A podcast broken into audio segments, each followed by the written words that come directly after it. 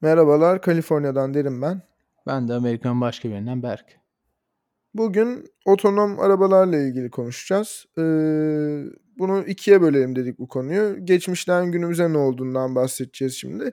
İkinci konuda da gelecekte ne olacağından ve bunun etik açılarından e, bakacağız konuya. Bugün otonom arabalar nedir, nasıl çalışıyorlar, tarihi nasıl bir tarihi var bu arabaların, e, bu teknolojinin, özel şirketler hangi bakış açılarından bu konuyu ele alıyor, problemler nedir bu konuyla ilgili ve hangi şirketler bu teknolojiyi şu anda geliştiriyorlar sorularını e, tartışacağız. Öncelikle otonom arabalar nedir? Otonom arabalar sürücüye gerek kalmadan kendisi bulunduğu ortamda herhangi bir hava koşullarının ve herhangi bir dış etkenlerin olduğu bir alanda bir noktadan öbür noktaya ulaşabilen arabalar. Aynen öyle. Nasıl çalışıyor bunlar Berk? Bu araçların üzerinde sensörler var ve bu sensörler etrafında ne olduğunu, arabanın ne kadar hızlı gittiğini, dünya üzerinde nerede olduğunu anlayabiliyor. Bu sensörlerin isimleri kamera olabilir, LiDAR, radar, sonar olabilir, GPS olabilir, odometreye bakıyor olabilir. Ama hepsinin yaptığı şey bilgi. Yani bilgiyi alıyor etrafıyla ve olduğu yerle ilgili ve bu bilgi alıp güvenli ve hedefine ulaşacak şekilde kararlar vermeye çalışıyor. Bunu birazcık formül olarak düşünebiliriz. Yani bu dışarıdan aldığı bilgiyi bir formüle koyuyor ve ne yapacağını karar veriyor. Örnek olarak da hani diyelim sola dönmesi lazım. Solunda yol var. Solunda araba yok. Tamam sola dönüp devam edelim. Bu bir örnek. Bununla ilgili önemli olan şey bu araçlar düşünmüyor. Yani e, formülleri var. Bu formüllere uyarak kararlar veriyorlar. Buna gerekleyeceğim şey var mı? Evet, yani bunu insanlara da biraz benzetebiliriz. Yani bu kullandığı sensörler insanların gözü, kulağı olarak sayılabilir. Biz de gördüğümüz şeyleri alıyoruz, kafamızın içinde bir karar veriyoruz ve bu kararı ellerimizle e, bir harekete çeviriyoruz. Bu arabaların da aslında temel olarak yapmaya çalıştığı şey insanlar gibi kullanabilmek arabayı önce. Ondan sonra geliştirip insanlardan nasıl daha iyi kullanabiliriz sorusunu çözmek. Tarihiyle Aynen. ilgili biraz konuşmak ister misin sen? Tabii ki. Um, bu ilk otonom diyebileceğimiz araba 1977'de Japonya'da ortaya çıkıyor. Yaptıkları şey de düz bir 10 kilometrelik yolu alıyorlar. Çok hani belirgin çizgiler çizip a, arabanın altındaki bir kameranın bu yolu takip etmesini sağlıyorlar ve başarılı bir şekilde yapıyorlar bunu. A, ondan sonra 80'lerde Amerika'nın güvenlik araştırma birimi DARPA projelere para vermeye başlıyor. A, Amerika bu konuda ileride olsun diye. A, 95 yılında Pittsburgh'den San Diego'ya yani Amerika'nın doğu yakasından batı yakasına %98 otonom olarak arabayı kullanabiliyorlar. Bunu da Carnegie Mellon Üniversitesi'nden insanlar yapıyor. Zamanın %98'inde araba kendi götürüyor. %2'sinde ise şoför var. Ondan sonra bu ilerliyor hani araştırma yönünde yine. Sonradan özel şirketler işin içine girmeye başlıyor bu özel şirketlerde bunu ekonomik fırsatı gördüğü için girmeye başlıyor. Hani teknolojiye yaklaşıyor artık ve ekonomik fırsatlar erişilebilir hale geliyor. Bu ekonomik fırsatların bir tanesi ürün taşıma. Şu anda ürünler hani tırlarda taşınıyor. Tırlarda insan şoförler var ama bu insan şoförleri hani robotlar kadar iyi olmayan özellikleri var. Özellikle hani dinlenmeleri gerekiyor insanların. İnsanlar hata yapabiliyor. Ama hani otonom olsa bu ürün taşıyan araçlar bu problemler kalmıyor. Yani bu problemleri ortaya çıkarak hani hem insanlara para vermeden ürün taşıyabilmeye başlıyorlar hem de zaman ve güvenliği azalıyor. Onun dışındaki başka bir ekonomik fırsat da insan taşıma.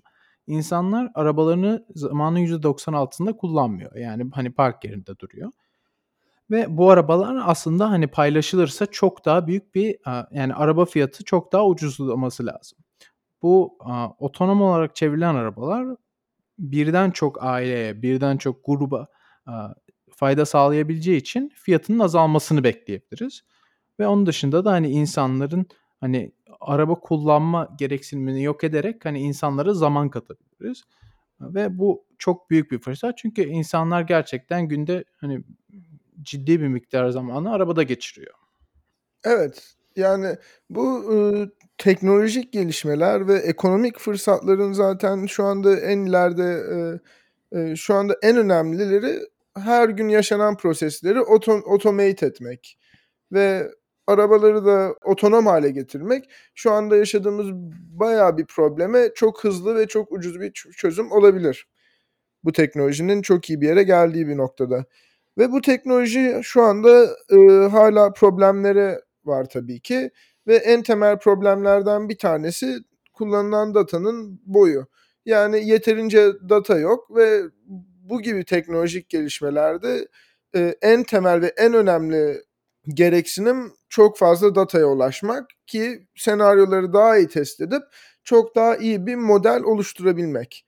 Şimdi her şirketin bu datayı toplamak için farklı yöntemleri var. Şu anda kuran ve aktif olarak kullanılan en yaygın iş modeli, eee, bu teknolojileri yani otonom teknolojisi geliştiren şirketlerin bu teknolojileri, eee, kullanıcıya satıp sattıktan sonra o kullanıcı üzerinden data toplayabilmek. Bunun faydalarından bir tanesi kullanıcıya sattığı ürünü daha ucuza satabiliyorlar. Çünkü datanın değeri çok yüksek şu anda, eee, ve insanlar bu yavaş yavaş bu teknolojinin gündelik hayata giriş yaptığını görebiliyor. Emm, insanlara araç satıp bu araçtan bilgi toplayan şirketlerin en büyüğü Tesla. Aaa, Tesla insanlara aracı satıyor ve sattıktan sonra bu araçtan bilgi toplamaya devam edip, aaa, hem bu aracı sattığı insanlara servisini daha iyileştirmeye başlıyor. Çünkü, hani, arabalarını update ediyorlar ama aynı zamanda kendi, hani, self driving modelini de geliştiriyor. Aaa, onun dışında bunu normal günümüzdeki otomobil, üreticileri de yapmaya başladı. Ford bunu yapmaya başlıyor. BM BMW bunu yapmaya başlıyor. Volvo bunu yapmaya başlıyor ve bu model gitgide değer kazanmaya başlıyor. Buna benzer ama biraz farklı olan bir model de insanlara arabasını otonom daha otonom hâle getirmesini sağlayan cihazlar satmak. Bunu da yapan Com.ai diye bir şirket var. Bir tane telefon şeklinde bir cihaz satıyorlar insanların arabasına taktığı. Bu telefonun kamerasıyla aracın etrafında ne olduğunu görüp arabaya bazı otonom özellikler veriyorlar, ve aynı zamanda data toplayıp kendi modellerini geliştiriyorlar.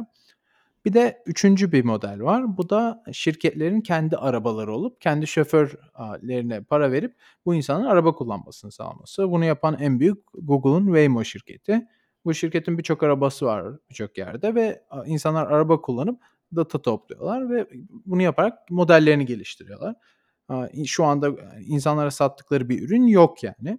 Aaa, bunu yapan başka bir şirket Cruise. Onlar da büyük. General Motors'un satın aldığı bir şirket. Ondan sonra Zoox var, Amazon'un satın aldığı.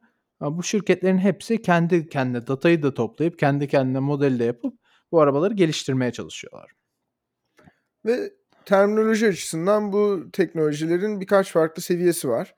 Eee, 0'dan 5'e kadar 6 farklı seviye var. 0'ıncı seviye 0 otonom, yani sırf insanlar kullanıyor arabayı derken 5'inci seviye araba en kötü senaryoda insanlardan daha iyi ve daha güvenli kullanılabiliyor olarak eee, sayılıyor.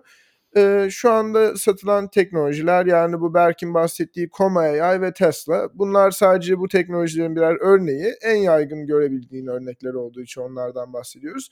Bu ikisi, ııı, 2 veya 3'üncü seviye olarak adlandırılıyor. Pek aralarında çok kalın bir çizgi olmadığı için, eee, ikisi arasında çok kesin bir ayrım yapılmıyor. Ama bunların olayı, ııı, bunlar arabada liability oluşturmuyor. Yani her zaman bir kullanıcı olması lazım ve kullanıcının gerekli senaryolarda, yani otonom arabanın, ııı, çalışmadığı senaryolarda kullanıcının arabayı devreye alıp problemleri çözmesi üzerinde üzerinden çalışıyor. Evet, yani, hani, şey diyebilir miyiz? 0'dan 5'e giderken 0'da hiç otomasyon yok. 5'te, hani, direksiyona bile gerek yok. 1-2 günümüzde gördüğümüz cruise control gibi şeyler. Eee, 3-4 de, hani, çok daha ciddi otomasyon olan ama insanların da belki yardım etmesinin gerekebileceği durumlar. Aynen öyle, çok güzel açıkladın.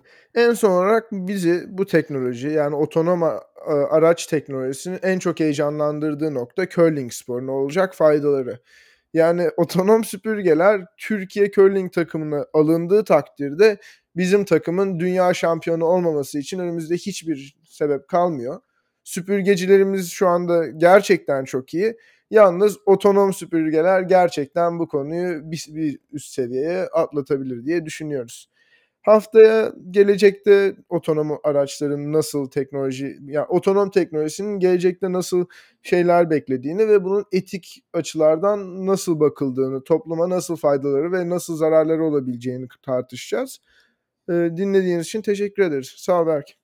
Teşekkür ederiz.